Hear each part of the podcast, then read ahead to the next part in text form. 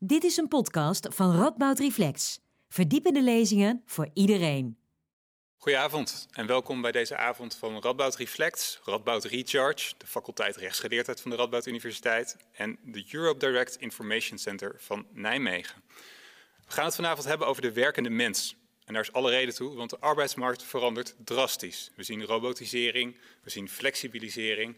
Ik werd op weg hier naartoe nog gepasseerd door een Uber-chauffeur, door een Deliveroo-medewerker. Er vloog nog net niet voor Cyber Monday een Amazon-drone over mijn hoofd. Maar de arbeidsmarkt verandert, dat kunnen we in ieder geval vaststellen.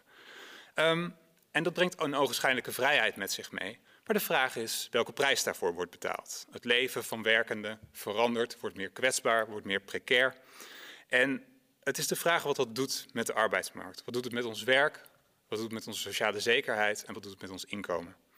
Hoe wenselijk is die ontwikkeling? Hoe verandert de arbeidsmarkt zich? En hoe willen we eigenlijk dat de arbeidsmarkt eruit komt te zien? Wat is een duurzame arbeidsrelatie eigenlijk? Nou, over al die, dat soort vragen gaan we het vanavond hebben. We gaan met elkaar in gesprek en dat doe ik met drie wetenschappers van de Radboud Universiteit van drie heel verschillende disciplines. We gaan namelijk in gesprek met Femke Laagland, arbeidsjurist en hoogleraar arbeidsrecht. Agnes Akkerman, arbeidssocioloog en hoogleraar arbeidsrelaties. En Matthijs van der Zanden, politiek filosoof en universitair docent politieke filosofie en ethiek. En nu zullen zeggen, nou, dat zijn wel drie heel erg verschillende disciplines en dat klopt. Maar ze hebben samen het afgelopen half jaar een vak gegeven over arbeid in de 21ste eeuw, waarin ze de handen in één hebben geslagen en hebben gekeken van wat zijn nou de grootste uitdagingen waar we in onze samenleving voor staan. Nou, vanavond gaan we daarover het gesprek, nou ja, misschien ook wel de discussie aan. Um, ze zullen namelijk vanavond ieder een stelling verdedigen over de grootste uitdaging voor de arbeidsmarkt in de 21ste eeuw en hoe zij zien wat de grootste uitdaging is. En naar iedere stelling gaan ze reageren, kunt u ook reageren op die stelling. Dat kunt u doen door naar www.menti.com te gaan en dan kan u inloggen met de code 4523994. Dan kan u zeggen of u het eens bent met de stelling of juist radicaal oneens. En u kan ook vragen stellen aan de spreker over de stelling en over de andere onderwerpen die worden bediscussieerd. Zo doen we dat drie keer en ondertussen reageren de sprekers ook nog op elkaar. Dus het belooft een hele boeiende en eh, discussievolle avond te worden. Nou, dat is hoe de avond eruit ziet. En dat gezegd hebbende, uh, gaan we als eerste naar onze eerste spreker, dat is Femke. En Femke's stelling is, we moeten af van de focus op het vaste contract. Het woord is aan jou. Dankjewel. Goedenavond. Rust, reinheid en regelmaat. Dit aloude adagium voor een goede gezondheid geldt ook voor het werk. Onderzoek van het Sociaal Cultureel Planbureau laat zien dat werkenden erbij zijn gebaat dat ze weten dat ze niet zomaar opeens op straat komen te staan, bij ziekte niet meer hun loon ontvangen en een laatste voorbeeld, niet de ene dag opeens tien, dan weer vier, dan weer zes uur moeten werken. Dit soort zekerheden zijn, als je kijkt naar het huidige arbeidsrecht, gekoppeld aan het individuele contract. Het contract tussen de werkgever en de werknemer. En het standaard vaste contract geldt daarbij als het hoogst haalbare. Maar niet alleen werkenden. Ook bedrijven zijn gebaat bij die rust, reinheid en regelmaat op de werkvloer. Uit verschillende, en ditmaal uh, economische onderzoeken, blijkt dat de werkenden die zich veilig en betrokken voelen bij het bedrijf, zich eerder durven uitspreken, loyaal en uiteindelijk arbeidsproductiever zijn. En wat goed is voor werkenden en wat goed is voor bedrijven, is goed voor de economie en de samenleving als een geheel. Maar al deze voordelen ten spijt, toch hebben we in Nederland te maken met een doorgeschoten flexibilisering op de arbeidsmarkt. Bedrijven zoeken hun heil steeds meer in flexibele contracten. En u moet daarbij denken aan het oproepcontract, uitzendwerk, payrolling, maar bijvoorbeeld ook aan de zelfstandigen zonder personeel, de zogenoemde ZZP'er. Het gebruik van het vaste contract is aan erosie onderhevig. Maar hoe komt dat nu? Er zijn meerdere factoren voor aan te wijzen, maar ik noem de twee belangrijkste. Allereerst, de wereld van werk verandert. Globalisering en het vrije verkeer binnen de EU hebben de competitie doen toenemen. Bedrijven moeten veel meer dan vroeger inspelen op fluctuaties in de markt. Het vaste contract voelt daarbij, en dat geldt met name voor het midden- en kleinbedrijf, als een molensteen om de nek. De gedachte is, je komt van een werknemer met een vast contract haast niet meer af op het moment dat het even tegenzit. Dan de tweede factor. Door de jaren heen zijn steeds meer maatschappelijke risico's op het bordje van de werkgever gelegd. Nou, de, de meest bekende is de loondoorbetaling bij ziekte. Er valt iets voor te zeggen dat een werkgever een verplichting heeft jegens zijn zieke werknemer. Maar twee jaar lang het loon doorbetalen voor een ziekte die helemaal niets met het werk te maken heeft, valt niet meer uit te leggen. Het economisch risico ligt geheel bij het bedrijf, bij de werkgever. En wat te denken van werknemers die verplicht in thuisquarantaine moeten of moeten zorgen voor een uh, partner die, die door corona is geveld. Ook dan draait de werkgever voor een groot deel van de kosten op. Kortom, allemaal redenen om anno 2020 als bedrijf vaker te kiezen voor flex. En dan vraagt u mij uiteraard, oké, maar wat is dan de oplossingsrichting? En dat brengt ons bij de stelling. We moeten af van de focus op het vaste contract, juist om ervoor te zorgen dat de doorgeschoten flex wordt teruggebracht.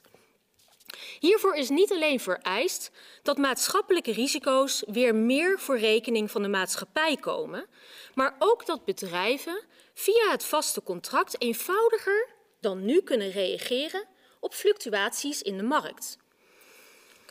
Het vaste contract moet in feite eenvoudiger zijn aan te passen qua uren en qua functie op het moment dat het voor een bedrijf even tegenzit.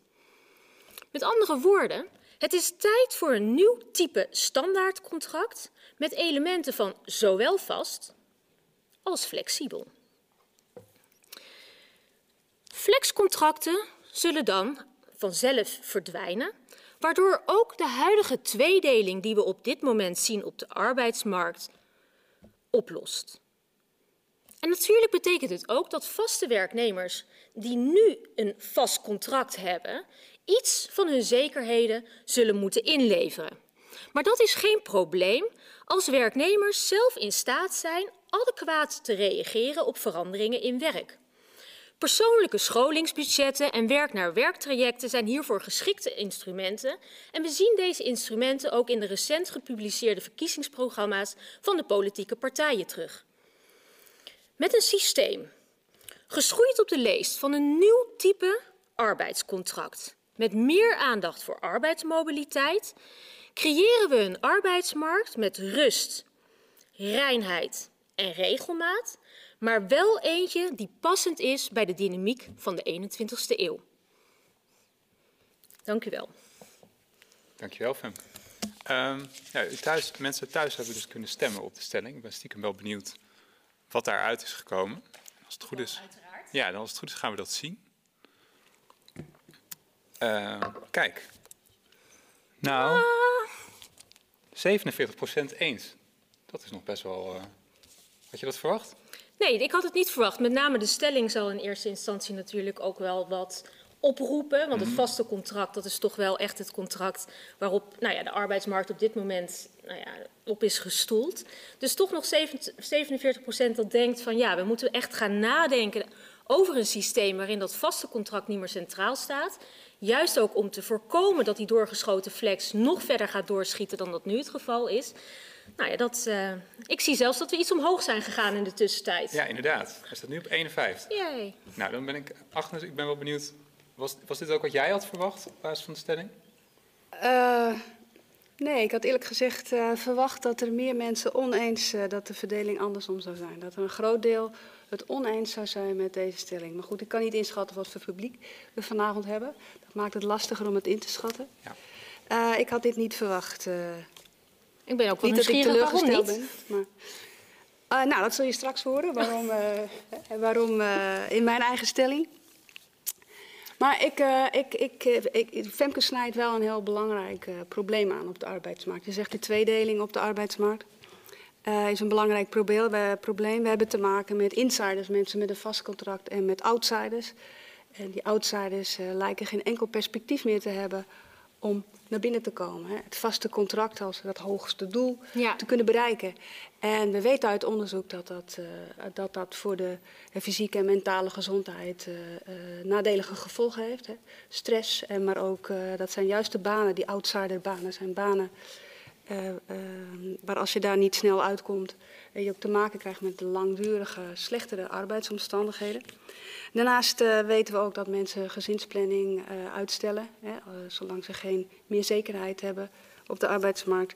En er is ook weinig gelegenheid tot het opbouwen van vermogen. Dus alles, alles wat Femke zegt is in die zin waar, dat, dat we te maken krijgen, en, en als we niks doen, nog met een nog veel grotere ongelijkheid. Ik heb toch een vraag, Femke. Jij sprak over de maatschappelijke uh, verantwoordelijkheid die bij de werkgever wordt gelegd. Maar mm -hmm. we weten natuurlijk ook dat uh, een groot deel uh, van, van de, de, ziekte of arbeidsongeschiktheid kan voorkomen uit situaties op het werk. Hè? Dus die met werk te maken hebben. Bijvoorbeeld blootstelling aan giftige stoffen, niet voldoende RSI-beperkende maatregelen mm -hmm. of te hoge stress, werkdruk op het werk. Hoe ga je in het nieuwe arbeidscontract met flexibele elementen. Ik weet niet welke flexibele elementen precies. Hoe ga je in de nieuwe, uh, nieuwe type contracten ervoor zorgen dat een werkgever uh, toch nog geprikkeld raakt om goed voor zijn werknemers te zorgen? Ja. En die lange termijn perspectief, daar ook de gezondheid van de werknemer, neem ik aan, de werknemer, hm? als dat een werknemerscontract is, te garanderen. Of in ieder geval goed voor ze te zorgen. Ja. Zal ik reageren gelijk? Want jij maakt een belangrijk onderscheid, denk ik. Want die maatschappelijke risico's, waarvan ik vind dat die nu veel meer op het bordje van de werkgever worden gelegd, dat zijn met name risico's die eh, nou ja, aan de maatschappij te relateren zijn. Dus bijvoorbeeld ziekte, dat niks met het werk te maken heeft, totaal niet werkgerelateerd. Uh, bijvoorbeeld ook um, nou ja, de maatregelen die nu door de overheid op ons worden gelegd, dat je in thuisquarantaine moet, maar het is de werkgever die het loon moet doorbetalen. Um, ik vind dat we moeten oppassen, en je merkt dat met name ook wel bij het midden- en kleinbedrijf, dat die um, nou ja, maatschappelijke risico's op een gegeven moment voor een bedrijf zo hoog opstapelen, dat ze denken van nou, weet je wel, ik, dit, dit zijn allemaal zoveel regels en ik lijkt bijna een maatschappelijk um, doel te moeten gaan vervullen met het, met het bedrijf wat ik eigenlijk voer dat ze daarvoor kiezen voor flex om die maatschappelijke risico's maar buiten de deur te houden. Ik vind het heel anders als het dus gaat om een situatie waar jij denk ik op doelde, dat de ziekte voortkomt uit het werk. En uh, daar zie je toch wel dat de werkgever een bepaalde verantwoordelijkheid heeft, ook naar zijn werknemers, om de werkplek gezond en veilig te houden. En dat als hij daar niet, dat niet doet, dat hij daar dan ook uiteraard wel de risico's zou moeten dragen. Maar ik zie dat dus um, als risico's die gerelateerd zijn aan de werkgever, aan het bedrijf. En zie dat dus anders dan de maatschappelijke risico's waar ik op doelde. Ja, het is de vraag hoe je dat uit elkaar trekt. Hè? Dat is nou, moeilijk ze hebben in Duitsland bijvoorbeeld een systeem, en dan gaan we eventjes heel specifiek op ziekte in, waarin je ziet dat dat uit elkaar is getrokken. Dat eh, nou ja, bedrijven die te maken krijgen met zieke werknemers, werkgerelateerd, een hogere nou ja, verantwoordelijkheid en verplichting ook hebben. Um, en zo'n systeem brengt ook weer heel veel ingewikkeldheden met zich mee, omdat daar heel veel definitiekwesties uiteraard uit ontstaan, die moeilijk zijn op te lossen. Dus daar moet je goed over nadenken hoe je dat dan uit elkaar trekt. Ik heb ook niet het idee dat onze overheid op dit moment nadenkt over het uit elkaar trekken daarvan, maar meer um, over het terugbrengen van de loondoorbetaling bij ziekte, vooral voor het MKB, om het op die manier overzichtelijker te maken. Vind je dan ook dat er net een onderscheid zou, want het MKB, je zei inderdaad van hey, voor de MKB kan het een soort molensteen zijn aan, Ja, aan- de nek van, van, de, van eh, degene die het aan het roer zit. Zou je dan ook een onderscheid moeten maken tussen grotere bedrijven met meer draagkracht misschien, Ja. vergeleken met het MKB? Nou, dat is heel interessant. In de SER hebben we bijvoorbeeld ook gesprekken, want daar heb je dus VNO, NCW zitten, maar ook MKB Nederland. Waar je ook ziet dat beide werkgeversorganisaties natuurlijk hele andere, eh, nou ja, een hele andere achterban hebben, met ook andere wensen. En daar komt dus ook vaak de vraag op van zou er misschien dus een onderscheid moeten komen. Nou, we zien dat de minister dat afgelopen jaar al voor het MKB op het terrein van ziekte heeft gedaan. Dat eh, MKB-bedrijven die kunnen eh, een volgens mij is het een verzuimontsorgverzekering voor het tweede jaar loondoorbetaling afsluiten. Maar ook dat brengt weer zoveel regels met zich dat we merken dat het MKB daar ook gewoon, nou ja, op een gegeven moment door al die regels het bomen, door de bomen het bos niet meer ziet.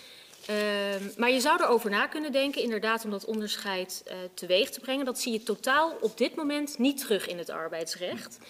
Um, alleen op heel specifieke terreinen, soms in een, uh, nou ja, een subartikel waarin je iets van differentiatie op dat punt ziet, maar over het algemeen toch niet. Maar het is wel iets waar, nou ja, ik denk dat er over nagedacht moet worden. Want grotere bedrijven, die hebben ook HR-afdelingen, die kunnen al die regels wel overzien. Maar vooral die bakker op de hoek, die denkt, oh, er is ergens een verlofregeling, arbeid en zorg. En hij vraagt uh, langdurig ziekteverzuim of langdurig zorgverzuim aan. Nou ja, dat zijn gewoon moeilijke regels om te begrijpen. En nou ja, om dat ook maar iedere keer te moeten toepassen. Op een gegeven moment nou ja, hoor ik dan de geluiden. Je bent bijna niet meer bezig met het bedrijven, maar vooral met het nou ja, vormgeven van het personeelsbestand. Ja. Ja, en ik denk dat we daarvoor moeten waken en ik maak me daar wel uh, zorgen over. Met name ook in de richting of, nou ja, van de 21ste eeuw, van hoe moet het vorm gaan krijgen. Ja, precies. Thijs, ik zie je glimlachen. Wat dacht jij, wat dacht nou, jij ervan? Nou, ik, ik moet heel eerlijk zeggen, ik ben, ik ben wel verbaasd. Inderdaad, ik zie nu dat uh, de meerderheid het met de stelling eens is. Had ik inderdaad ook niet helemaal verwacht. Ik, ik denk eerlijk gezegd dat ik het zelf uh, ook, uh, of dat ik het er zelf ook mee oneens ben, eerlijk gezegd. Um, maar om een aantal redenen. Ik denk dat sowieso het vaste contract niet alleen benaderd moet worden als iets wat juridisch van betekenis is. Het is ook een belangrijke bron van vastigheid in het alledaagse leven van mensen. Dat ze weten dat ze op een plek uh, uh, werken, dat die plek, die vaak ook voor een belangrijk deel de sociale omgeving van mensen be, bepaalt, dat die plek ervoor vast is, om het zo maar te zeggen, dat die plek, die arbeidsplek in, in hun investeert. Um, en dat zij, wat dat betreft, daar, dat ze daarvan op aankunnen, dat ze daar zo lang zullen werken als dat ze dat zelf willen. Um, je zegt, een ondernemer um, dient in eerste instantie geen maatschappelijk doel. Maar eerlijk gezegd. Nou, zo heb ik het niet helemaal het, het, geformuleerd, toch? Nee, zo heb je het niet helemaal. Maar, maar ik, denk, ik denk eerlijk gezegd dat het, dat het uh, best wel te billijken is dat uh, ondernemers uh, worden gehouden aan een zeker maatschappelijk doel. Dat ze wat dit betreft dienen. Juist in het geven van een zekere vastigheid en structuur aan het dagelijks leven van mensen die voor hun werken. Dus ik denk dat we bij dit soort discussies niet alleen oog moeten hebben voor de juridische kant of de economische kant van het verhaal, maar ook voor de, ja? de sociale en, en, eigenlijk existentiële kant van het verhaal. Uh, de werkomgeving is dusdanig belangrijk voor, voor mensen, is een dusdanige bron van identificatie en sociaal contact. Dat ik denk dat het ook op een, een heel alledaags existentieel niveau voor mensen heel belangrijk is dat ze daar een zekere vastigheid en vertrouwen ja. aan ontlenen. En daarom zou ik toch zeer terughoudend zijn met het morrelen ook aan het, uh, aan het vaste contract. Ja. Mag ik daar nog op reageren? Want uh, ik begon natuurlijk ook mijn verhaal met rust, reinheid en regelmaat. Hoe belangrijk dat is, ook in het werk. En ik denk ook wel dat dat vaste contract dat ook nog steeds zal moeten bieden. Maar dat we wel moeten nadenken uh, waar die doorgeschoten flexibilisering op de arbeidsmarkt nou precies door is ontstaan. En dat komt toch door met name die twee belangrijkste redenen. Uh, waarvan dus ook het moeten kunnen inspelen op uh, fluctuaties in de markt een heel belangrijke is. En als je dan hoort dat zoveel bedrijven dat vaste contract gewoon niet meer aangaan, omdat ze denken dat ze daar, weet je, dat ze voor altijd aan die werknemers vastzitten, wat jij dus um, lijkt een heel groot goed te vinden. Um, denk ik dat werknemers zich ook moeten realiseren dat we in een andere economie werken dan toen het arbeidsrecht ooit werd ontwikkeld. En dat we ons, uh, weet je wat, het werk verandert. Je had het eerder ook over de robotisering. We moeten ons eigenlijk ook als werkende klaarstomen voor die verandering die ook in het werk gaat plaatsvinden. En er dus ook iets aan toch wel moeten wennen dat waar je begint uh, na uh, je studie uh, als baan, dat dat niet is waar je ook met je pensioen eindigt, maar dat je je moet blijven ontwikkelen door bijvoorbeeld die persoonlijke scholingsbudgetten, maar ook werk naar werktrajecten die het mogelijk maken dat als bij KLM alle banen verdwijnen, jij ook eenvoudig in de zorg aan de slag kan, omdat daar wel het werk voorhanden is. En dat is meer de gedachte die ik heb bij zo'n nieuw type contract.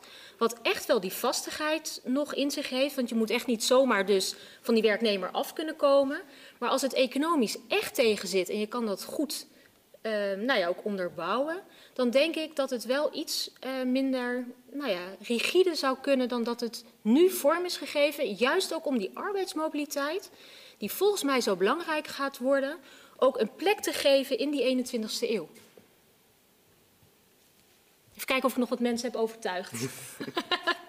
nog, uh, nee, gaat, sta je nog steeds? Ah, nog net, nog hè? Net. Nog net. Ja, ja er is dus, maar, is toch ook wel een heel groot aantal thuis dat zich dus niet in deze stelling kan vinden. Nee, klopt. Ja. En ook, ook dus in die in... zin is denk ik onze discussie ook uh, heel gelegitimeerd. En nou ja, ook komt het ook overeen met de mensen thuis. Ja, nee, klopt. En er komen ook vragen binnen inderdaad. Oh. Um, um, bijvoorbeeld is er iemand die zegt, ja, oh, nou, gaan banken ook meebewegen in, in deze transitie? Want bijvoorbeeld, hm? als ik nu een huis wil kopen, dan kan ik dat eigenlijk alleen doen op het moment dat ik een vast contract heb. En we kunnen wel zeggen van ja, oké, okay, we, ja. moeten, dus we, moeten af van het vaste contract. Maar dan klop ik straks aan bij uh, de ASN of bij Triodos of bij wat voor bank dan ook. En dan zeggen ze ja, dat is leuk meneer Tempels, maar dat gaat dus niet gebeuren. Waar is ja. uw vaste contract? Ja, dat is denk ik een beetje, Matthijs, waar jij ook net op doelde. Hè? Dat, dat, dat die arbeidsmarkt en de manier waarop je het vormgeeft... een veel groter effect heeft voor het maatschappelijk leven... en nou ja, het, van mensen thuis. Ook hun gezinsplanning, maar ook het kopen van een huis. Um, en dat is natuurlijk zeker iets waar over na moet worden gedacht. Nu is het natuurlijk wel zo dat dat vaste contract bij banken ook centraal staat. Mm -hmm. Als je natuurlijk dat vaste contract niet meer als standaard hanteert, maar daar een ander type contract voor in de plaats brengt, Um, nou, ja, misschien een beetje naïef, maar dan kunnen de banken haast niet anders dan meebewegen. Dus als je, dan, maar dan zou er wettelijk moeten worden vastgelegd. Ja, ja, ja. Dat dus dit is ook mijn wordt. idee is ook dus om uh, die juridische structuur zoals we die nu hebben vormgegeven, mm. Daarop dus aan te passen. Ja, ja, ja, oké. Okay. Nee, dan begrijp ik het. Um, iemand anders, en misschien sluit het een deel aan bij het punt wat Matthijs maakte. Je, je focust op het eind, einde op lifelong learning. We moeten ons realiseren ja. dat als, als je bent afgestudeerd, dat je uh, 30 jaar later misschien wat anders doet en misschien 15 jaar later wel weer iets anders. En um, nou, of dat een mooi ideaal is, zijn de meningen erg over verdeeld, zie ik. Um, maar je kan je natuurlijk wel afvragen in hoeverre is lifelong learning werkbaar en wenselijk voor alle groepen in de samenleving. Ja, en dan bedoel je met alle groepen, denk ik, van laaggeschoold naar hooggeleid, uh, hoog opgeleid. En lifelong learning is, uh, nou ja, met name wat wij ook in de commissie Borslab hebben voorgesteld, is dat iedereen een persoonlijk uh, scholingsbudget zou moeten krijgen. Wat met name dus ook voor de laag opgeleide hoger zou moeten zijn dan degene die universitair is geschoold. Want die heeft al eigenlijk veel meer opgebruikt dan iemand nou, die gelijk naar de middelbare school is gaan werken. Um, en dan speelt natuurlijk de vraag, en daar hebben wij toen ook veel met elkaar over gediscussieerd, van in hoeverre gaan deze werkenden natuurlijk dat scholingsbudget ook um, gebruiken? Gaan ze het ook inzetten? En dat is iets, uh, maar ja, ik ben ook wel nieuwsgierig, Agnes, wat jij daarvan vindt, want dat is meer een sociologisch aspect, dat je iets zou moeten veranderen, ook in de manier waarop werkenden op dit moment in het werk staan. Dat leven lang leren zal meer onderdeel nou ja, van ons moeten worden dan dat het volgens mij op dit moment is. En hoe je dat bereikt, vind ik een heel lastige. Maar heb ja. jij misschien wel ideeën bij? Nou, juist niet. Ik, ik, ik, ik zie dat probleem wel uh, groter worden als je contracten flexibeler maakt. Je zou redeneren als een econoom dat uh, hoe flexibeler, hoe tijdelijker het perspectief is hè, ja? uh, van de arbeidsrelatie, hoe minder zeker de investering wordt die je pleegt in een, in een ja? in een bepaalde vaardigheid. Bijvoorbeeld in een bepaalde werknemer, maar ook uh, als werknemer, als potentiële werknemer, in een bepaalde opleiding. Ja, maar dan ga je wel uit van budgetten die door de werkgever um, worden nee, opengesteld? Nee, nee. Als, ik mijn, als ik niet weet hoe lang ik, hè, ik ben van KLM, wil ik naar de zorg, ja? maar ik weet niet hoe lang ik daar uh, uh, kom te werken, omdat ik de arbeidsmarkt niet goed kan overzien en eigenlijk ook misschien helemaal niet weet of het, of het wat voor mij is. zal ik het budget daaraan besteden of... Ja. Of niet. He, dus als dus dan... ook al is het budget mijn eigen budget dat ik vrij kan besteden, dan ja? nog vergt het, uh, vergt het een lange termijn. Tenminste, uh, je gaat na wanneer, hoeveel je dat gaat opbrengen. He, het is een soort inkomen geworden dat je mag besteden. waar besteed je dat aan? En dat wil nog niet zeggen dat dat uh, verstandig besteed wordt, of misschien helemaal niet. Je kunt, je, bent, je kunt het maar één keer uitgeven. Ja. Dus het is de vraag of dat met een kortere termijn perspectief, of dat He, want nu hebben we ook heel veel scholingsbudgetten, weliswaar vaak uh, bij fondsen of bij werkgevers. Ja, vooral, uh, en die worden juist ja. bij uh, niet uitgegeven door of voor mensen met tijdelijke contracten. Dus ik zie, ik zie de oplossing er met die ja. live op zich wel, maar ik, ik zou niet weten hoe we dat niet voor een moeten tijdelijk contract, hè? Het is een contract hè? voor onbepaalde tijd waarin flexibele elementen Nee, meer een plek krijgen dan dat nu het geval ja, is. Ja, maar ik, ik weet ook niet hoe het er dan wel uitziet. Maar ik kan me voorstellen dat uh, uh, als het minder. Uh, hè, want het moet Ja. ook daadwerkelijk iets voorstellen. Die meer flexibiliteit, anders hebben we er nog niks aan. Dat dat element ervoor zorgt, dat zou ervoor kunnen zorgen. Redeneer ik van hoe mensen nu redeneren. Uh, niet per se tot meer investering in jezelf vanuit dat uh, eventuele opleidingsbudget. Ja. Niet automatisch. Ik Ja. zie dat nog niet geregeld meteen. Nee, dus dat is wel een interessante om over na te denken. Of dat dus juist dan spaak gaat lopen. Nou ja, je zult er een oplossing het, voor eh, moeten vinden. Maar dat hangt er vanaf hoe je, hoe je dat vaste contract wil flexibiliseren. Ja. Uh, als dat heel erg flex wordt, dan zie je de problemen waarschijnlijk terugkomen die je nu ook ziet. Ja, Uh, maar als, als, als je dat anders oplost, hoeft dat misschien niet zo Nee. te zijn. Een van de vragen, en dat is de laatste vraag voor deze stelling Ja? alweer, eh, was voor Matthijs eigenlijk. Oh. Ehm, je noemde dat het vast contract als een soort essentieel uit- uitgangspunt gezien kan worden. Ehm, en de vraag is, andere, andere Europese landen hebben dat uitgangspunt niet. Met minder doorgeschoten flex eh, als indirect gevolg. Dus hoe hard moet dat uitgangspunt dan zijn? Hoe hard moet dat uitgangspunt zijn? Nou ja, goed, ik denk, ik denk puur principieel. Misschien ben ik in dat opzicht van een oude stempel. Maar ik denk altijd, hè, de, de, de, een belangrijke bron van de inkomsten van ondernemers is uiteindelijk de arbeid van de werknemers. Uh, hè, wat dat betreft is er altijd iets geks aan de, woord, de woorden werkgever en werknemer. Want het is de werknemer die zijn werk geeft aan de werkgever eigenlijk. Ehm, uh, en daar staat tegenover dat de werkgever een zekere stabiliteit biedt. En ik, ik zou wat dat betreft ook op principieel vlak wat heel erg um, terughoudend zijn om juist in tijden dat flexibilisering een groot maatschappelijk probleem is. We gaan het daar uh, hierna ongetwijfeld nog veel meer over hebben. Om dan juist op, zo'n moment verder afbreuk te doen aan datgene waar mensen voor hun gevoel sterk op inleveren. En dat is die vastigheid uh, uh, van te weten dat jij uh, een, een, een arbeidsrelatie hebt waar jij in principe zolang als je dat zelf wil, ja, deel van uitmaakt.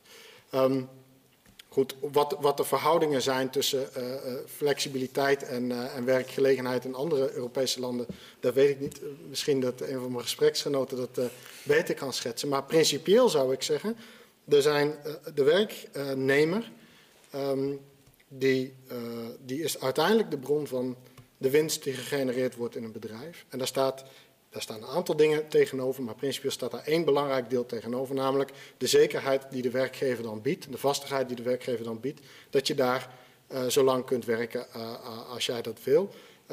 dat is ook belangrijk, zoals ik al zei, omdat dat werk ook een bron is van sociale identificatie, et cetera.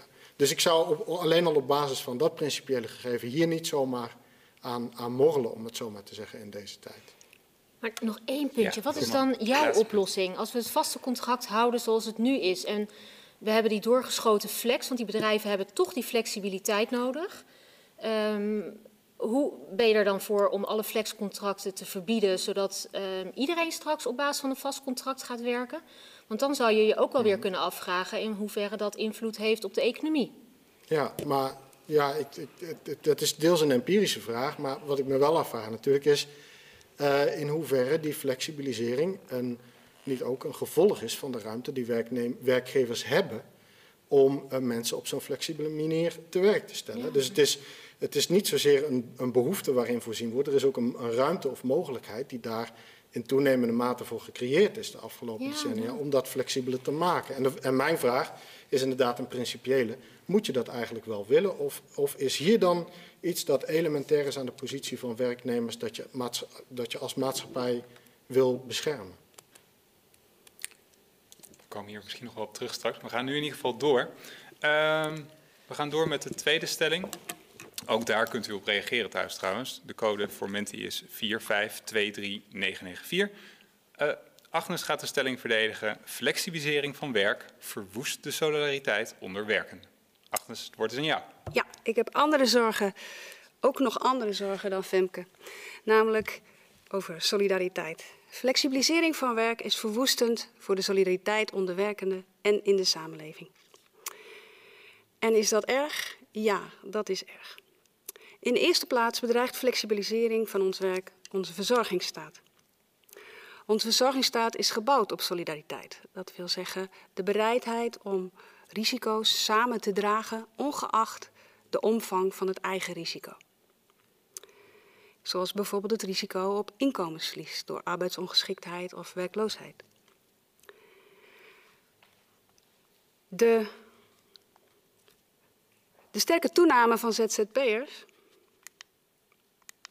Ja, is hij. De sterke toename van ZZP'ers vormt zo'n bedreiging voor de solidariteit. ZZP'ers ontvangen wel inkomenssteun, bijvoorbeeld wanneer zij een beroep doen op de bijstand, maar dragen daartoe minder bij, of soms helemaal niet, dan de reguliere standaard werknemer.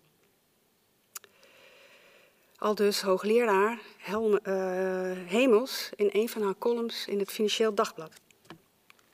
Flexibel werk waarbij gelijk, geen gelijkwaardige belasting- en premieoverdracht plaatsvindt, bedreigt de houdbaarheid en het draagvlak voor de solidariteit bij inkomensverlies.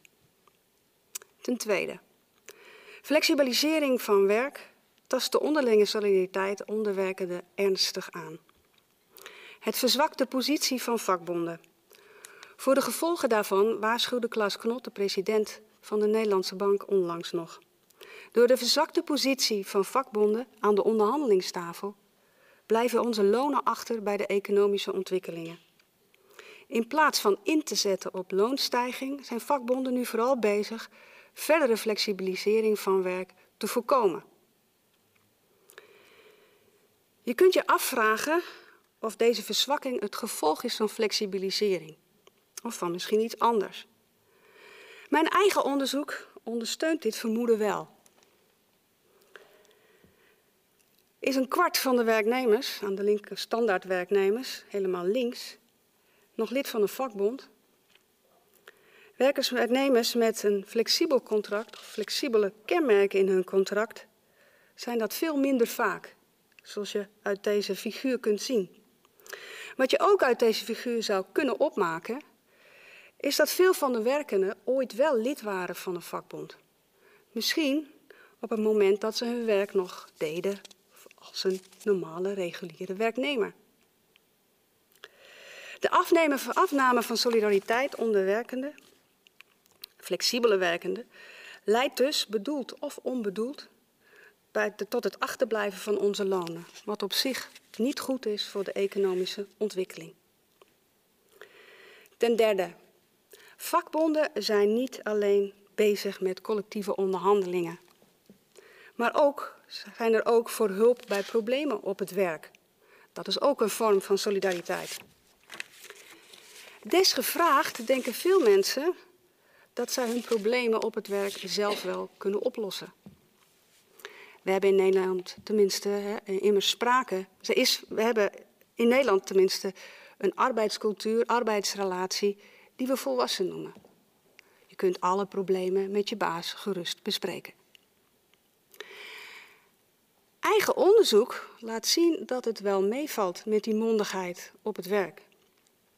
70 procent gemiddeld kaart problemen met de baas aan.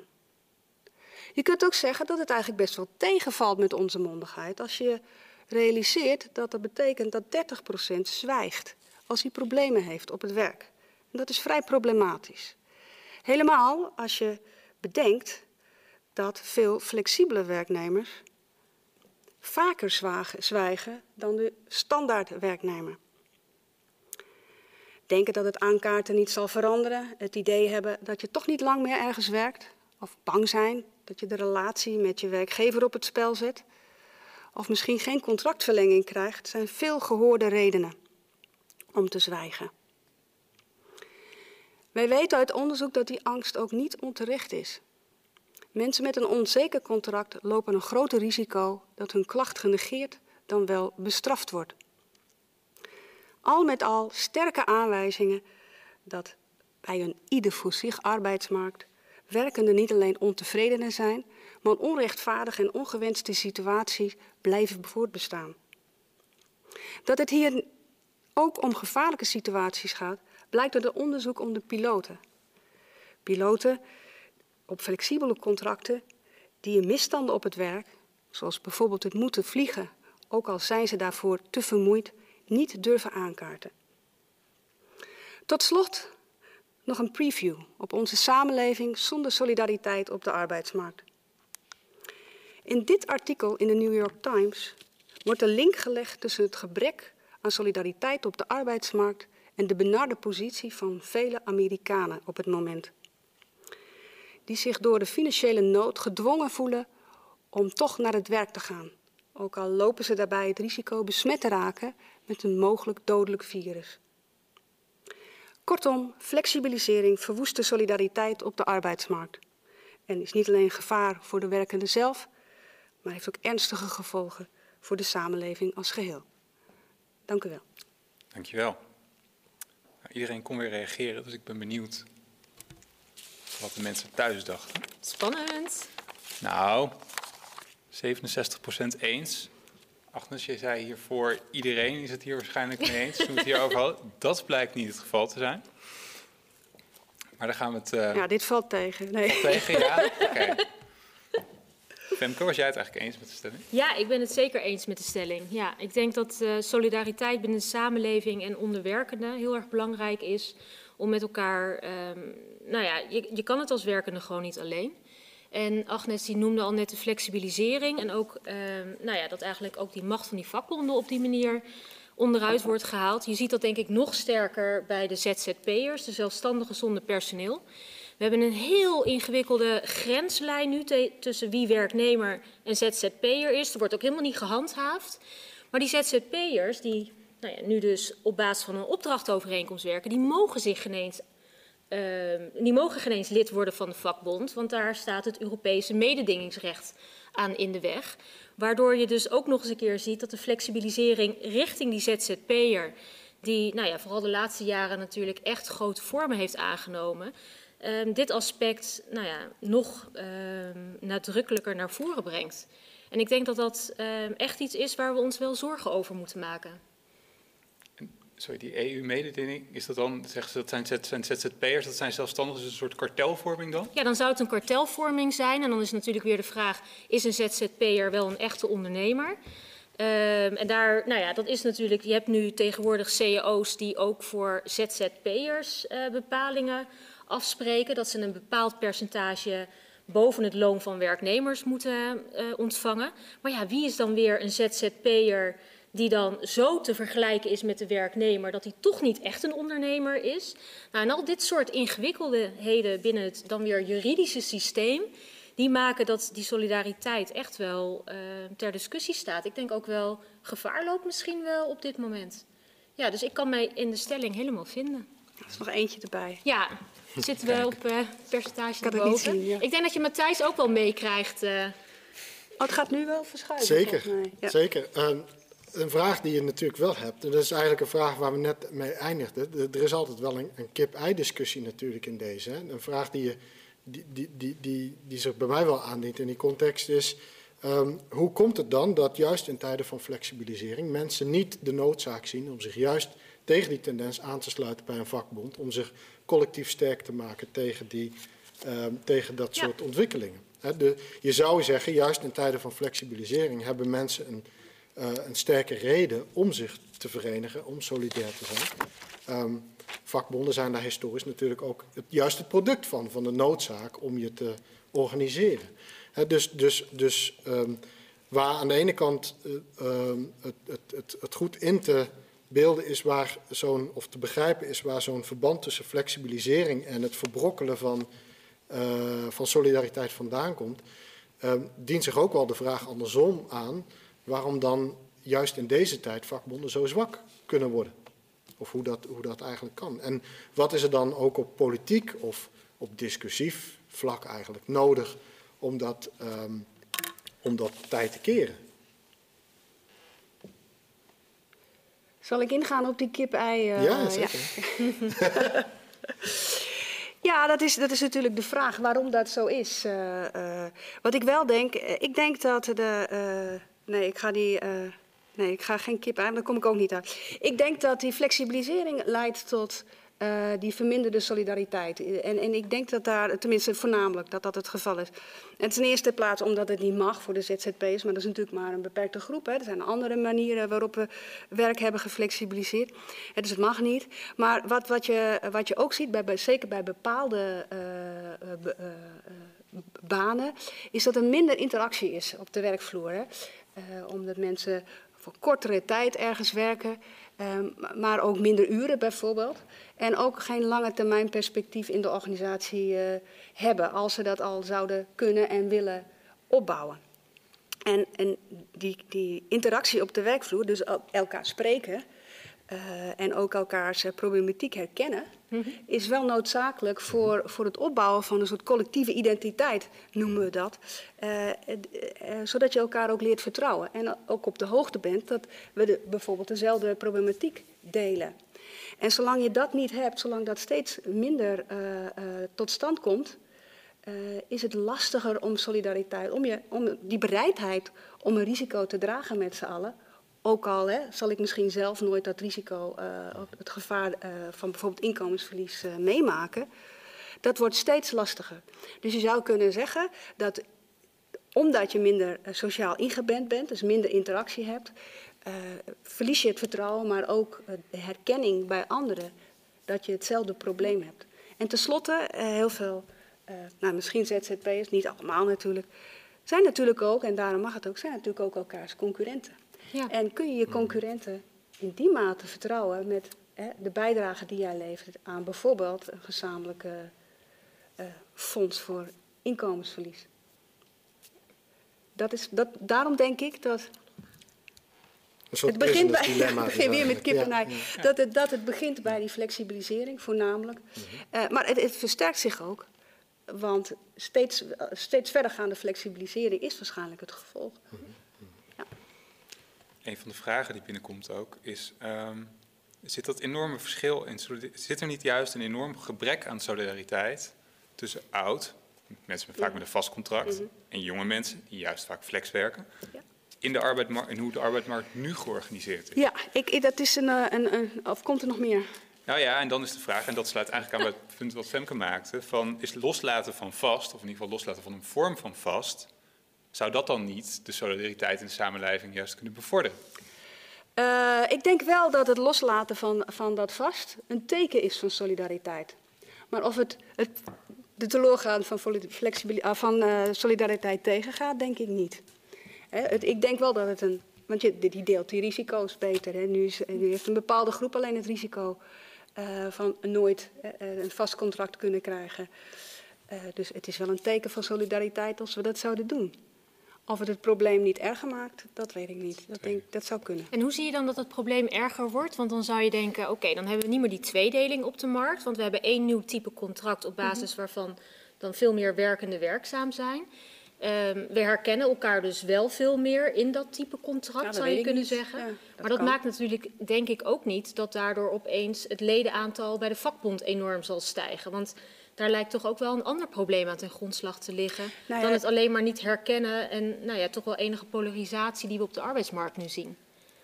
Ja, nou, solidariteit hoeft natuurlijk niet alleen via een vakbond te zijn. Je kunt ook andere manieren uh, bedenken waarop uh, je solidariteit, bijvoorbeeld tegen inkomensverlies, wat volgens mij het grootste risico is. Dat kun je ook wel bedenken. ZZP'ers hebben bijvoorbeeld ook broodfondsen. Ja. Er worden ook al, allerlei alternatieven bedacht. Uh, maar wat was je vraag? Of dat nou, ik zat dus meer vooral even bij die vakbonden, omdat we het daar net mm. zo ons met elkaar op richten. Um, nou ja, dat het een, natuurlijk een heel lastig probleem is. We hebben toevallig een groepje van onze studenten die is met deze vraag op dit moment aan de slag om uit te zoeken hoe eigenlijk weer het ledenaantal en ook het commitment ten opzichte van vakbonden kan worden versterkt. Uh, en die worstelen daar ook heel erg mee, hoe dat nou voor moet ge worden gegeven. Ook omdat nou ja, ook wel veel jongeren, jongeren in de jongere generatie ook een beetje de vakbond als een beetje iets suffigs zien. Een beetje iets van um, een oude institutie, wat niet meer past bij uh, hoe, dynamiek, uh, hoe dynamisch ze zelf zijn. Ja. En, en, en, komen ze ook wel, tenminste dat is een van de vragen ja? die ook wordt ingestuurd, van komen ze wel op voor de jongere generatie dan? Als je nu instapt, ja. is het allemaal oude grijze mensen die dan wel dit zijn van de vakbond, dan denk je ja, wordt mijn belang dan wel ja. vertegenwoordigd? En dat is dan natuurlijk ook gelijk een juridisch probleem, want vakbonden zijn, uh, ja, die moeten hun leden vertegenwoordigen. Dus ook, uh, we zien dat vooral dus ook in de, bij de CERT terug, dat uh, ja, de vakbonden, de FNV en CNV die daar zitten, die zeggen van ja, maar we moeten wel met dit resultaat straks naar het ledenparlement. En het ledenparlement, dat zijn inderdaad de toch wel wat, nou ja, wat oudere mensen met andere belangen dan dat vaak Ja, maar dit is, dit is natuurlijk een uh, self-fulfilling prophecy. Als je niet lid wordt, dan heb je ook ze in te brengen. Dat is niet dat ik hier nou bepleit dat uh, uh, men massaal jongeren... Maar het, het, is, het is goed om daar wel over na te ja. denken. En ik, wil, ik, ik, ik kan me zeker niet helemaal vinden in het idee dat vakbonden niet... Uh, belangen van jongeren vertegenwoordigen. Nee, dat ik doen ze wel, ik, maar ze zitten wel met dat ledenparlement. Ik, ik herinner me dat Jonge United, wat uh, eigenlijk de FNV in disguise was, ja. um, ervoor gezorgd heeft dat het minimumloon uh, verhoogd is. Hè. De leeftijd is uh, lager geworden, maar het, uh, het, het, loon zelf is omhoog gegaan. Ik denk dat dat een hele belangrijke overwinning is geweest, die, die men toch voor jongeren in de wacht heeft gesleept. En zo is nu men nu ook bezig, juist uh, voor deze generatie, die men inderdaad op een andere manier waarschijnlijk moet aanspreken. Maar dat is beeldvorming, hè? dat is ja, iets is anders dan dat ze niet voor, uh, voor de belangen op zouden komen. En het is denk ik ook voor belang, als jij wilt dat mensen voor je belangen opkomen, zul je daar ook hè, je stem moeten laten horen, denk ik. Maar goed, dan concentreren we ons vooral op de vakbonden als een soort hè, enige, enige manier waarop we solidariteit. Uh, kunnen organiseren. Maar er zijn, er zijn natuurlijk ook andere. Misschien is het interessant om ook te kijken van oké, okay, wat ondergraaft die solidariteit dan? Um, je zou je ook kunnen afvragen, in, wat is de rol van de, van de, van de, de grote, platform, grote spelers in de platformeconomie?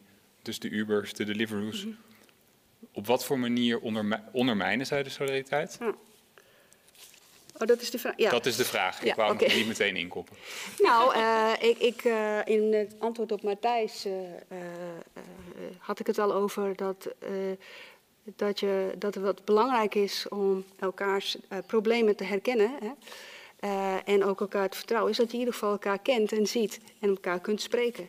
Want we weten van deze grote platforms, we hebben het vooral over de bezorgplatforms, hè, heb je het net, weten we dat ze hun algoritme zo aanpassen dat mensen nauwelijks in staat zijn met elkaar uh, via de app uh, op de hoogte te zijn.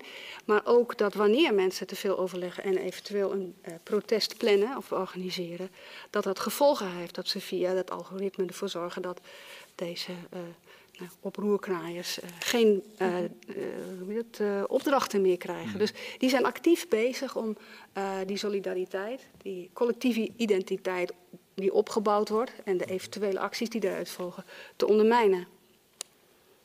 En wat kunnen we, kunnen we daar ook iets aan doen? Of mogen we ook iets van die bedrijven zelf verwachten misschien? Uh, ja, ik denk, ik denk het wel. Ja, los van uh, wat voor contractvorm je mensen aanbiedt. Het, het lijkt mij in de eerste plaats. Dat, uh, ik weet niet of het de verantwoordelijkheid is om voor te zorgen dat mensen elkaar wel spreken als mensen op het werk.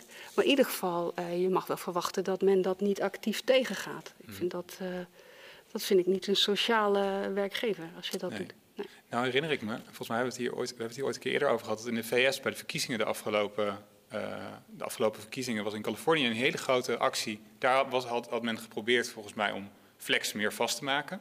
Mm -hmm. En daar is en masse een enorm re referendum gestart en dat is en masse verworpen. Mede, ik meen mede door steun door die grote bedrijven. Mm, die lobbyactiviteiten ja. van, die, van Uber, ja. Ja, dat klopt. Maar tegelijkertijd gingen ook mensen interviewen daar op staat. Dus ook mensen zeggen, ja, maar ik vind het, ik vind het prima om multijobber te zijn. Dus dus hoe, is er nog wel, als we zeggen van oké, okay, die, flexibilisering ondergraaft de solidariteit, wat doen we dan met die mensen? Zeggen ja, maar ik vind het prima om en mijn Deliveroo bestellingen te doen, of leveringen te doen, en voor Uber te rijden. Is, wat, doen, wat doen we met diegene die dat wel omarmt? Maar de mensen die jij uh, zo uh, portretteert, die gaan toch helemaal niet. Uh, wat jij zegt, dat zij, zij kunnen toch rustig dat werk blijven doen. Alleen het is de vraag of, of of ze dat moeten doen onder dezelfde arbeidsomstandigheden en voorwaarden. Ik denk als je ze zou vragen, zouden ze het ook prettig vinden een hoger salaris te hebben of een hogere beloning hebben Mhm. of een hoger tarief te ontvangen of meer zekerheid te hebben dan wanneer als er een tijdje een uur hè, dat zij als zij een avond geen werk hebben toch nog een soort minimuminkomen zouden hebben. Of zij het ook prettig zouden vinden om een eigen fiets en gear niet te hoeven betalen. Ja. Of dat ze verzekerd zijn. Ik denk dat diezelfde mensen dat heel graag zouden willen. Ja, precies. Ja. Ik, ik, ik zou graag willen toevoegen, een ander perspectief, toch is er ook wel een, eh, je zou kunnen zeggen, in zekere zin hier een, een ideologisch probleem dat hier aan ten grondslag ligt. Hè. Je hebt het eerder had je het over de, de, de, de neiging van ZZP'ers om elkaar als concurrent te zien. De idee dat we eh, allemaal, ehm, de, laten we zeggen, de maatschappelijk ideaal van het individu als ondernemer is natuurlijk wel een ideaal dat in onze tijd heel sterk gevestigd is. En wat ook kan impliceren dat op het moment dat je bijvoorbeeld een referendum houdt over dit soort constructies, dat een groot deel van het publiek zal zeggen: dit is wat we willen. Uh, maar tegelijkertijd, wat jij hier schetst, is een van de uh, wellicht zeer onwenselijke implicaties of gevolgen van die manier van denken. Dus er zit ook, denk ik wel, op een heel fundamenteel niveau een, een belangrijke factor speelt hier mee. Namelijk dat we in de loop van de laatste decennia uh, uh, gewend zijn geraakt aan het idee dat we onszelf moeten zien als een soort van eenpersoonsbedrijf.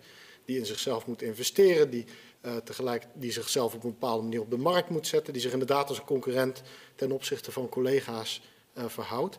En ik denk dat wat dat betreft, als je dit soort dynamieken wil keren, dat je ook na zou moeten denken over hoe denken we eigenlijk en hoe spreken we eigenlijk als samenleving over zaken als werknemerschap, over zaken als eigen verantwoordelijkheid. Uh, want op dit moment wordt dat, onder, dat ondernemerschap van het individu ook wel een beetje, ge, hoe zeg je dat, ge, ge, uh, geësthetiseerd. Zou Gepromoot. Ja. Gepromoot, ja. Ik, als ik erop mag reageren, uh, ik denk dat het waar is wat je zegt. Tegelijkertijd, als wij mensen vragen in een onderzoek, zou je dezelfde baan niet liever ook, hè, als je mocht kiezen, zou je hetzelfde werk, alles hetzelfde, niet liever doen in een vast contract, zegt 80% van de mensen ja, liever wel. Dat is niet onder ZZP'ers hetzelfde percentage, daar ligt het wel aanzienlijk lager. Maar onder uh, mensen met een flexibel contract wil 80% toch eigenlijk liever niet die uh, zelfstandige ondernemer zijn. Hè? Ook al, alhoewel ik kan me ook wel zeggen dat mensen allebei de beelden uh, omarmen. Maar toch, als je het vraagt, mm -hmm. wil een groot deel van de mensen toch eigenlijk liever die zekerheid. Zodat ze zelf kunnen bepalen. En niet omdat ze altijd bij dezelfde werkgever willen blijven, maar zelf willen bepalen wanneer ze vertrekken. Ja. Speelt daar misschien ook niet mee dat um, werkenden op het moment dat je werkt en je gezond bent en alles goed gaat, mm -hmm. toch ook heel moeilijk kunnen overzien van de risico's die hen eventueel zouden kunnen overkomen? En daardoor ook op dit moment natuurlijk dat zelfstandig ondernemerschap als een soort ideaal um, wordt ervaren. Maar nou ja, kijk nu in de coronasituatie hoeveel ZZP'ers toch op die TOZO ook een beroep hebben moeten doen, omdat ze zichzelf niet meer kunnen bedruipen.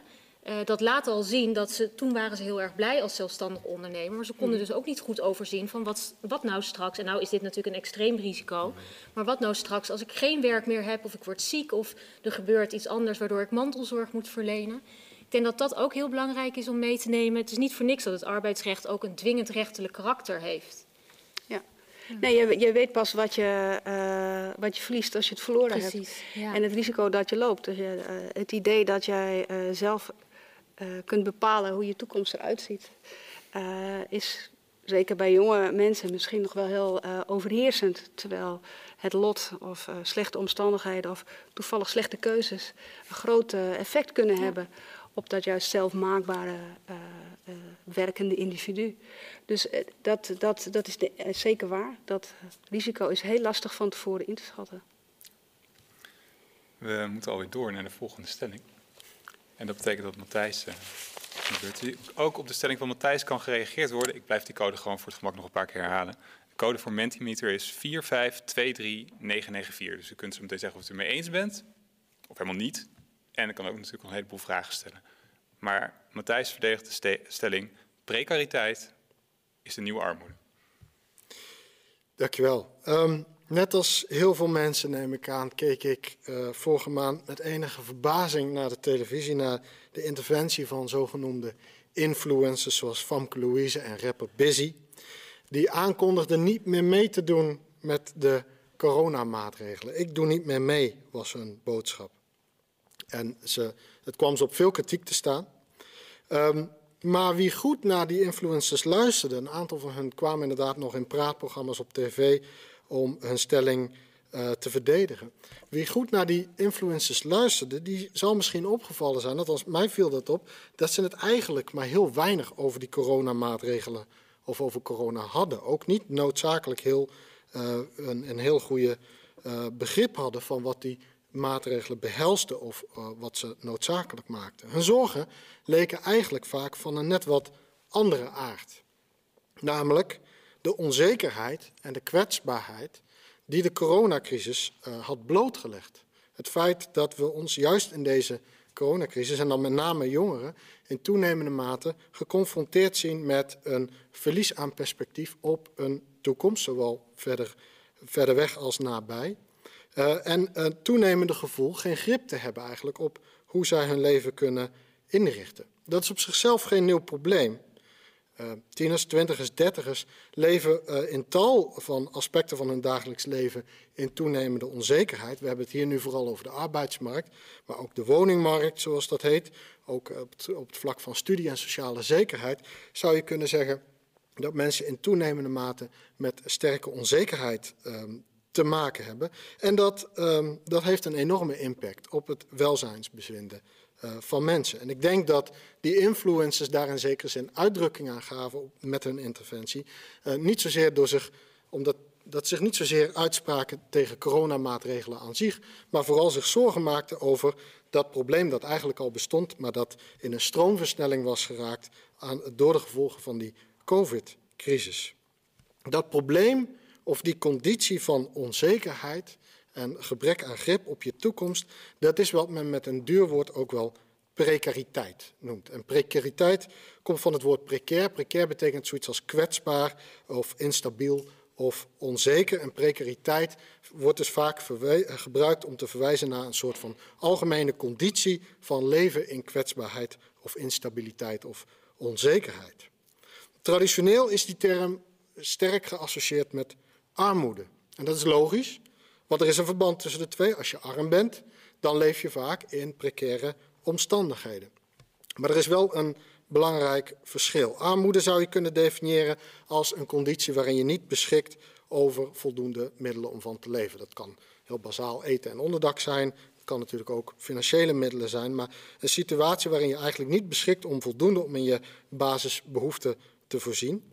En precariteit zou je kunnen omschrijven als de conditie waarin je, um, uh, waarin je de, uh, die toestand van armoede in de nabije toekomst aan de, aan de lijve zou kunnen ondervinden. Dus het is vooral het gebrek aan zekerheid dat je niet in armoede zal leven in de nabije of verdere toekomst. Wat is er nou problematisch aan dat precariteit? Je zou kunnen zeggen, tot op zekere hoogte hoort het gewoon bij het leven. Wij zijn menselijke wezens, we zijn belichaamde wezens. En dat betekent dat we per definitie kwetsbaar zijn. Dat we ziek kunnen worden, dat we kunnen lijden, pijn kunnen hebben, dat we dood kunnen gaan. Dat hoort iets bij, dat is iets wat hoort bij het mens zijn, dat is iets wat hoort bij het belichaamd zijn als mens en dus ook bij ons. Uh, het is een existentiële factor zou je kunnen zeggen.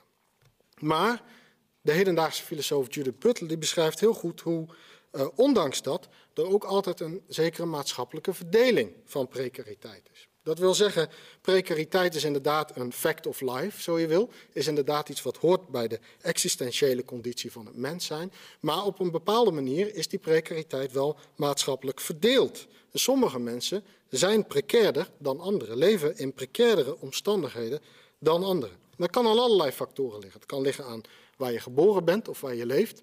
Uh, op mondiaal schaal, maar ook, uh, ook binnen Nederland. Welke wijk je uh, bent geboren en opgegroeid.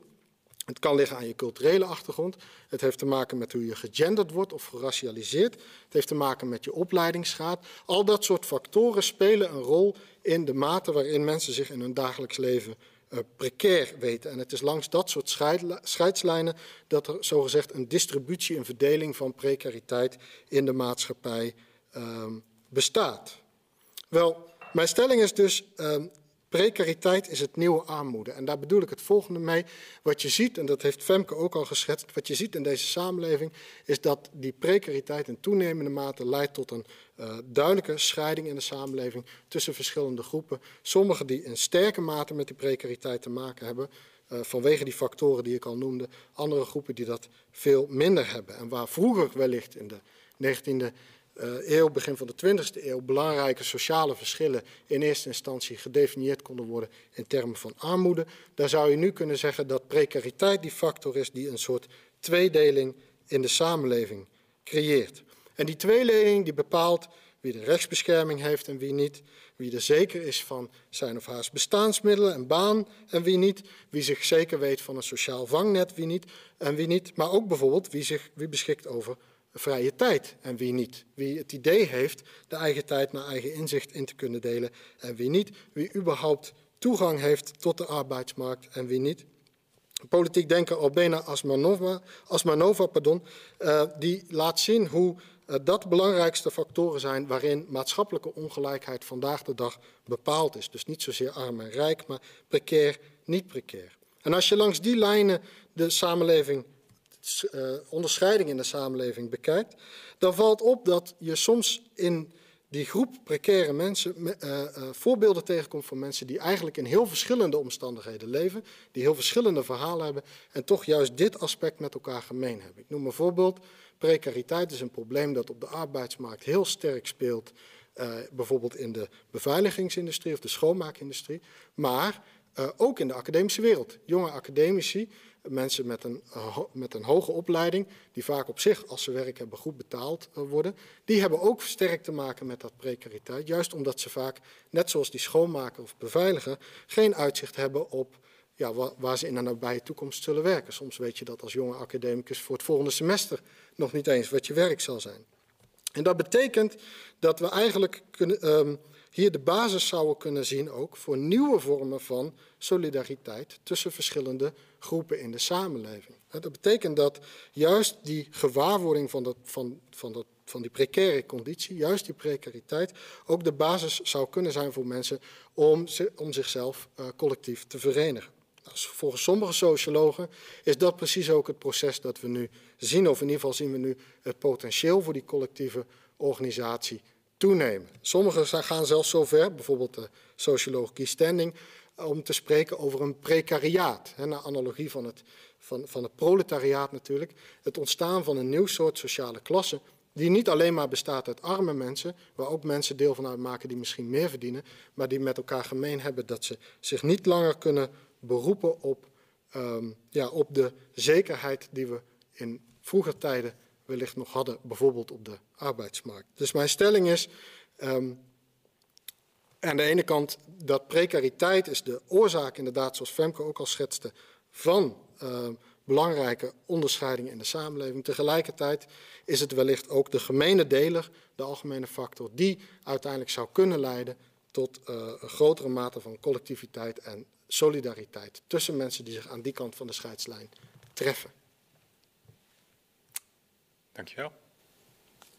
Um, nou, we gaan meteen even kijken naar wat men thuis ervan dacht. En uh, nou Matthijs, um, 74% van de mensen is het eens met je stelling, dus die kan je vast in je zak steken. Um, Agnes, precariteit is nieuwe armoede. Wat dacht jij daarvan? Ja, ik, ik weet niet wat ik ervan denk, die stelling. Maar ik heb wel een vraag voor Matthijs. Nou. Uh, Matthijs uh, zegt namelijk iets heel interessants. Namelijk dat er mensen zijn, wetenschappers, die observeren een soort gemeenschappelijkheid van, over bepaalde groepen die van oorsprong helemaal weinig gemeenschappelijk hadden. Namelijk dat ze zich in een precaire situatie, dat ze precair zijn, dat ze behoren tot een precariaat. Mijn vraag is, doen, doen de mensen in die groepen dat zelf ook? En wat zou er voor nodig zijn hè, om die potentie die jij zegt die er is voor deze nieuwe vorm van solidariteit onder deze groepen mm -hmm. uh, om te zetten in daadwerkelijke solidariteit? Mm -hmm. Nou ja, het is, het, is, het is deels waar we net de vorige ronde mee afsloten. Eigenlijk hè, de vraag in hoeverre doen mensen dat zelf? Ik denk, ik denk inderdaad dat dat voor een deel zo is. In ieder geval omdat we allemaal een bepaalde manier van spreken en denken over bijvoorbeeld arbeidsrelaties uh, reproduceren, die wellicht dit mede, tot, dit mede legitimeren of tot gevolg kunnen hebben. Um, die socioloog Guy Standing die ik eerder uh, noemde, um, die, laat dus ook, die stelt dus ook dat dat precariaat wellicht als sociale groep, als sociaal gegeven al bestaat. Maar dat wil nog niet zeggen dat die groep zichzelf ook als zodanig identificeert en zich met die positie identificeert. Dus daar is een politiek project, om het zo maar te zeggen. Dat is iets wat uiteindelijk uh, een, een, een, een, zekere mate van mobilisatie of, of uh, organisatie veronderstelt dat mensen zich ook nadrukkelijk met die gedeelde positie uh, gaan identificeren. Um, en het is inderdaad niet, het niet gegeven dat dat gebeurt. Je kunt, het wel, je kunt het wel hebben over het precariaat als een sociale groep, maar dat maakt nog niet dat het een politieke factor is met een gedeelde manier van spreken of, en, of denken of identificeren met die precaire positie. Dus daar is inderdaad een, een belangrijk, um, belangrijk politiek project geïmpliceerd. En dat, um, dat impliceert ook um, dat een dergelijke term als precar precariteit gebruikt wordt door mensen om die specifieke uh, conditie uh, te benoemen en te begrijpen. Het, impliceert in eerste instantie dat mensen ook geneigd zijn om iets in hun eigen situatie te herkennen, dat ze ook in dat van een ander zien. Ik noemde het voorbeeld van de academicus. Wat heeft een academicus nou gemeen met een schoonmaker? Wel, dit, op het moment dat je een term hebt om daar een, om daar een label op te plakken, om het zo maar te zeggen, en om daar betekenis aan in te schrijven, dan is dat een belangrijke voorwaarde om überhaupt te komen tot een dergelijke um, identificatie. Um, maar je hebt helemaal gelijk dat het als een sociale, uh, als een sociale entiteit, om het zo maar te zeggen, bestaat, de, die precaire klasse, wil natuurlijk nog niet zeggen dat het, zoals Marx dat zou zeggen, dat het een klasse is. Ja. Toch nog even Marx erin Toch even, moeten we even. Wou jij ook reageren op de stelling? Of ja, ik weet niet, zijn er vragen of zal ik even nog snel tussendoor? Want, ja, nou ja, er zijn vragen denk... over uh, baangarantie en inkomstengarantie, maar daar komen ze meteen op. Oké, okay, okay. nou, ik denk dat uh, de mensen thuis wel kunnen raden dat ik het eens ben met de stelling. Ik uh, denk echt wel dat, dit, dat precariteit de nieuwe armoede is. Maar als ik nog wel een beetje ook door zit te denken, want Matthijs, jij zegt dan oké, okay, maar dit heeft ook een mooie kant, want het zou tot een nieuwe vorm van solidariteit kunnen leiden. Um, laten we er even van uitgaan dat dat ook het geval is. Ben ik natuurlijk als jurist gelijk aan het denken: oké, maar hoe gaan we dit dan, wat gaan we dan met die solidariteit doen binnen het juridische systeem om te zorgen dat precariteit niet, nou ja, in de 21ste eeuw als het nieuwe armoede zal um, blijven bestaan? En daar zit ik nog een beetje mee te puzzelen als jurist hoe we, dat, hoe we dat een plekje zouden kunnen geven. Heb jij daar misschien ideeën bij? Vooral ook vanuit de gedachte dat jij zegt: het vaste contract moet blijven zoals dat is. Um, worstel ik daar een beetje mee? Dus met andere woorden, wat, wat, wat moet men. Wat ja, wat gaat die solidariteit die dus mhm. gaat ontstaan uh, doordat ze elkaar gaan herkennen? Uh, wat gaat dat ons opleveren? Uh, hoe zouden we dat kunnen vertalen? In, uh, in, in, een systeem um, waardoor dus precariteit in de toekomst niet langer het nieuwe armoede zal blijven? Nou, ik denk, ik denk dat, om terug te komen op, de, op discussies die we hadden, ik denk dat bijvoorbeeld als je uh, je zorgen, als je het hebt over uh, het verlies aan solidariteit en ook het verlies aan bijvoorbeeld engagement van mensen met vakbonden, dat een gedeeld begrip van een situatie waarin men verkeert een goede grond zou kunnen zijn voor mensen om zich bijvoorbeeld bij vakbonden wel aan te sluiten. Omdat bijvoorbeeld um, op het moment dat we de vakbond niet langer zouden benaderen, of niet zouden benaderen primair als een organisatie die uh, werknemers als zodanig vertegenwoordigt, maar die mensen die het precariaat ja? of mensen in zo'n precaire uh, conditie vertegenwoordigt, dat dat een grotere grond uh, biedt voor mensen om daar lid van te worden. Ook op het moment dat ze bijvoorbeeld helemaal geen werk hebben. Of op het moment dat ze bijvoorbeeld als ZZP'er of zelfstandige werken. Um, ik denk wel, goed, dat, dat brengt ons terug op de eerste discussie. Ik denk wel dat een belangrijke inzet voor veel mensen die zich met die precaire positie uh, identificeren, um, is inderdaad zal zijn dat uh, bepaalde vormen van vastigheid uh, behouden zouden moeten blijven. En dan kun je het hebben over de arbeidsmarkt, maar dan kun je het ook bijvoorbeeld hebben over de positie van huurders op de woningmarkt. Eh, die ook steeds precairder is geworden in de afgelopen decennia. Waar steeds meer ruimte is ontstaan voor tijdelijke woonvormen, uh, voor precaire uh, huurcontracten met korte opzegtermijnen, et cetera. Dus er zijn meerdere aspecten in ons dagelijks leven waarin mensen tegen die precariteit aanlopen. En waar inderdaad, um, denk ik, op het moment dat meer mensen zich als zodanig met dat groepsbelang zouden identificeren, misschien bepaalde vormen van vastigheid ook wel uh, beter beschermd of misschien hersteld zouden worden. Ja, eigenlijk komen de drie stellingen dus bij elkaar. Want dan hmm. zullen ze wel dan ook die solidariteit, ja. um, ja. bijvoorbeeld door middel van een lidmaatschap van een vakbond, bijvoorbeeld, ja. moeten gaan vormgeven. zou, dat, dat zou, zou, dat dan een manier zijn, inderdaad, doordat we weer ons organiseren in die vakbonden, dat dat, ik noem het toch maar even klassebewustzijn van het precariaat ontstaat? Nou, ik denk, ik denk dat wat je, uh, om een concreet voorbeeld te noemen, op dit moment uh, voert, de vakbond uh, veel campagne voor minimumloon. En dat doet men bewust omdat men ook een breder maatschappelijk belang toeschrijft aan een hoger minimumloon. Dat gaat niet alleen om de mensen die daadwerkelijk dat minimumloon verdienen, maar ook bijvoorbeeld om mensen die op dit moment een uitkering hebben. Want minimumloon en de hoogte van uitkering zijn aan elkaar verbonden. Dus je ziet daar ook al een verschuiving ontstaan waar bijvoorbeeld vakbonden steeds meer gaan inzetten op een, een, maatschappelijke taak die breder is dan alleen maar het vertegenwoordigen van de, de werkvloer. Want zoals Agnes ook al schetste, die traditionele werkvloer waar je iedere dag inklokt en met dezelfde collega's uh, aan de arbeid gaat, die bestaat als zodanig natuurlijk niet meer. Uh, of minder. Ik denk de meeste mensen nog steeds zo werken. Zo, veel met, maar het bestaat minder. En, ja. en de, de, de, de, ik bedoel, de, um, de noodzaak wat dat betreft uh, um, om uh, bijvoorbeeld vakbonden, om daar een bredere maatschappelijke doelstelling aan toe te schrijven, uh, ja, die zie je hierin denk ik wel. En ik denk ook dat blijkt uit initiatieven van, van bijvoorbeeld vakbonden, dat ze die noodzaak ook wel steeds meer gaan herkennen. Er was een, nou, niet één vraag, ik denk wel een stuk of zeven of zo, dus ik uh, vind ik hem toch moet gaan stellen. Um, om die precariteit tegen te gaan. En het, het, raakt ook aan jouw stelling en toch een heel aantal mensen die zeggen, ja, is allemaal leuk, maar moeten we dat dan niet combineren met uh, een basisinkomen bijvoorbeeld? Of een inkomstengarantie, wat ik dan toch maar weer zie als een basisinkomen. Ik um, mm-hmm. ben eigenlijk wel benieuwd hoe jullie daar alle drie over denken. Ik begin nog even bij jou, Femke.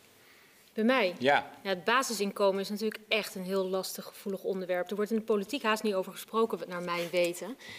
Um, eh, mag ik hem overslaan? Ja, kom ja, het juridisch is het natuurlijk, ja, we hebben de participatiewet waar nu natuurlijk ook de bijstand een soort minimumgarantie biedt. Dus ik, um, nou ja, vind je, ik ben er niet een heel groot voorstander van, maar uh, we hebben hier ook met z'n drieën natuurlijk ook al vaker discussies over gehad. Um, Matthijs, jij? Jij bent namelijk positiever dan dat ik vaak ben. Nou, in het algemeen. Ja. Ik ben, ik ben geen onverdeeld voorstander van basisinkomen. Maar wat ik denk, wat, wat ik in ieder geval vanuit filosofisch perspectief wel heel interessant vind aan het voorstel uh, van een basisinkomen, is dat het ons in staat stelt om anders te gaan nadenken over hoe werk uh, beloond wordt in de samenleving. Uh, en, uh, en, anders na te gaan denken ook uh, over de mate van vastigheid en veiligheid en sociale zekerheid die een samenleving moet bieden aan al haar leden. En daar zit iets onvoorwaardelijks aan een basisinkomen, wat wat dat betreft heel erg aansprekend is. Tegelijkertijd, uh, het basisinkomen kan natuurlijk ook heel goed worden ingezet als politiek middel, juist om bepaalde vormen van sociale zekerheid die we nu mm -hmm. hebben te ondergraven. Dus het is, niet, het is geen risicoloos voorstel wat dat betreft. Als, als denkoefening vind ik het een interessant idee. Uh, maar het hangt er vooral, denk ik, heel sterk vanaf in samenhang met wat voor beleid of ontwikkelingen het wordt, uh, het wordt gerealiseerd. Ja. Agnes? Ja, uh, Matthijs is van de denkoefeningen. Ik ben van, van het meten van effecten. En in die zin weten we eigenlijk nog heel erg weinig van, van wat, wat, wat voor oplossing het basisinkomen geeft maar ook wat voor problemen we ermee in huis halen. Niet gezegd dat, dat we er eh, niet mee zouden moeten experimenteren, want dan komen we er juist achter. Er zijn wel enkele experimenten gedaan, maar het is een ontzettend lastig iets om in te voeren, omdat het onvoorwaardelijk moet zijn. Dus dan kun je er bij eigenlijk per definitie niet mee experimenteren of een proef mee draaien, want dan is het dan niet meer onvoorwaardelijk. Maar er wordt toch mee geëxperimenteerd door gemeentes nu, als ik het goed heb? Ja, ja, ja maar dat, dat is tijdelijk. Dus het is niet onvoorwaardelijk. Het blijft tijdelijk, afhankelijk van de uitkomsten van dat experiment. Dus je kunt heel erg lastig uh, in de werkelijkheid daarmee uitproberen wat voor effecten dat heeft. Het is, we weten veel van menselijk gedrag. En op basis daarvan zou ik denken dat, het, uh, dat we wel eens te maken konden krijgen met misschien een afname in, in, in de aanbod van arbeid. Hè, dus van mensen die willen werken. Maar ik weet, ik weet het niet moet ik eerlijk zeggen. Ik weet dat niet. En misschien is dat misschien wel wat we nodig hebben. Misschien hebben we in de toekomst minder werk. Daar hoor je ook veel geluiden over, al ik dat nog niet meteen uh, zie komen. Dus ik, ik, ik, die denkoefening is interessant, maar ik zou die denkoefening willen voortzetten, maar ik weet niet hoe precies, in, uh, in een oefening in het echt. Kan ja. ja. een, een, een proef in het echt om te kijken. Ja. En daar, daar is men nu ook mee bezig. Maar ik heb nog steeds geen duidelijk empirisch samenhangend, consistent verhaal gehoord over wat daarvan de effecten zijn. En waarvan de neveneffecten ook niet bekend zijn. Dat moeten we dan nog gaan zien. Als we daarmee kunnen experimenteren op een of andere manier. Ja, je, kunt van alles verzinnen, maar het, het, het, het blijft lastig om, om, de, om het echte basisinkomen, dus het onvoorwaardelijke basisinkomen, om dat te simuleren of uit te werken in een proef. hey, um, we zijn alweer door de tijd heen, dus het gaat super snel. Maar ik wil u nog één laatste vraag uh, stellen. Um, stel je nou voor, je krijgt de keuze om nog één actie of handeling te doen. We kijken vooruit naar de arbeid arbeidsmarkt in de 21ste eeuw. Eén handeling, één actie, idee. Wat moeten we doen om de arbeidsmarkt goed, beter, meer solidair, rechtvaardig voor jezelf kiezen te maken? Ga ik nu bij Matthijs beginnen, komt het einde bij jou. Eén actie, wat moeten we doen om het... Ja, ik ben altijd veel te praktisch ingesteld, maar ik ga het mhm. toch aan de filosoof vragen. um, wat zouden we moeten doen om... Um, ik denk, uh, om mee te beginnen, um, vakbondslidmaatschap toegankelijker maken. Of, of misschien zelfs default maken voor mensen. Uh, en dus eigenlijk een opt-out te geven voor vakbondslidmaatschap in plaats van een opt-in zoals we die nu hebben. Okay. Ik uh, denk uh, iets minder groot. Ik denk in termen van een noodoplossing. Wat ik zie gebeuren is dat heel veel mensen in een kwetsbare, onzekere positie dreigen te komen. En dat al zijn. En dan kun je hopen op meer vakbondslidmaatschap, wat het zou kunnen, of, of een andere vorm hè, van, van collectiviteit. Maar ik denk dat we mensen ook kunnen voorbereiden op deze kwetsbare positie, bijvoorbeeld al in het onderwijs. Wij bereiden studenten zelf ook niet voor. Tenminste, wij proberen heel veel om arbeidsmarktoriëntatie en voorbereiding in ons curriculum een plaats te geven. Daarbij denken we vooral hoe ze moeten solliciteren of praktische vaardigheden. Maar hoe je om het op het werk om moet gaan, of moet onderhandelen over je salaris bijvoorbeeld, of om moet gaan met problemen, ik liet net cijfers zien, daar besteden we helemaal geen aandacht aan. En ik wil niet zeggen dat, uh, dat die problematiek, we zien dat ook in onze cijfers, alleen voorbehouden is aan mensen met een meer praktische opleiding. Dat zien we ook bij hoger opgeleiden. Mijn, uh, wat wij moeten gaan doen is in ieder geval zorgen dat mensen die, en dat zijn wat mij betreft iedereen, uh, die te maken kunnen krijgen met een kwetsbare positie op het werk. En als we Femke moeten geloven, wordt dat, en dat denk ik, dat heeft ze ook gelijk in hoor en worden dat steeds meer, dan moeten we ze daarop voorbereiden. Als we het niet met z'n allen kunnen, dan moet je als individu toch beter uh, voorbereid zijn. Ja, en dan ik als laatste. Nou ja, ik heb wel wat meerdere puntjes op mijn wensenlijst staan. Maar wat ik heel graag um, zou willen, wat meer van de grond zou komen dan wat nu gebeurt, is dat collectieve partners van de werk-naar-werk trajecten meer, uh, nou ja, daar meer vorm en inhoud aan gaan geven. Dat we dus echt meer met elkaar gaan nakijken. Nou, een mooi voorbeeld, ik noemde hem al eerder, van de KLM naar de zorg. Hoe kunnen we nou met elkaar zorgen in een wereld die verandert, dat de werkende terechtkomt op de plek waar ook daadwerkelijk werk voor hem is. Oké, okay. daarmee besluiten we deze avond. Um, ik dank jullie al, al, hartelijk. Femke, Agnes, Matthijs, superleuk dat jullie er waren vanavond. Ik ben, dank, dank jullie heel erg voor het, uh, voor het fijne gesprek. Uh, ik richt me nog even tot u uh, thuis. U ook heel erg bedankt voor het kijken. Ik hoop dat u het ook een leuke avond heeft gevonden. Stel nu dat u het een leuke avond vond en u draagt Radboud Reflex een warm hart toe en wilt u dat uitdrukken in meer dan een like of een follow, dan hebben we tegenwoordig een donatiebutton. Dan kan u een donatie doen. Um, volgende week is er weer een livestream op dinsdag 8 december en dan gaan we het hebben uh, over zingeving in de populaire animatieserie Rick and Morty. En dat doen we met filosoof Simon Koesman. Ik kan me voorstellen, dat kan nu al wel zeggen dat het heel erg leuk gaat worden en dat het een absolute aanrader is. Um, bedankt voor het kijken en een hele fijne avond en vast tot een volgende keer.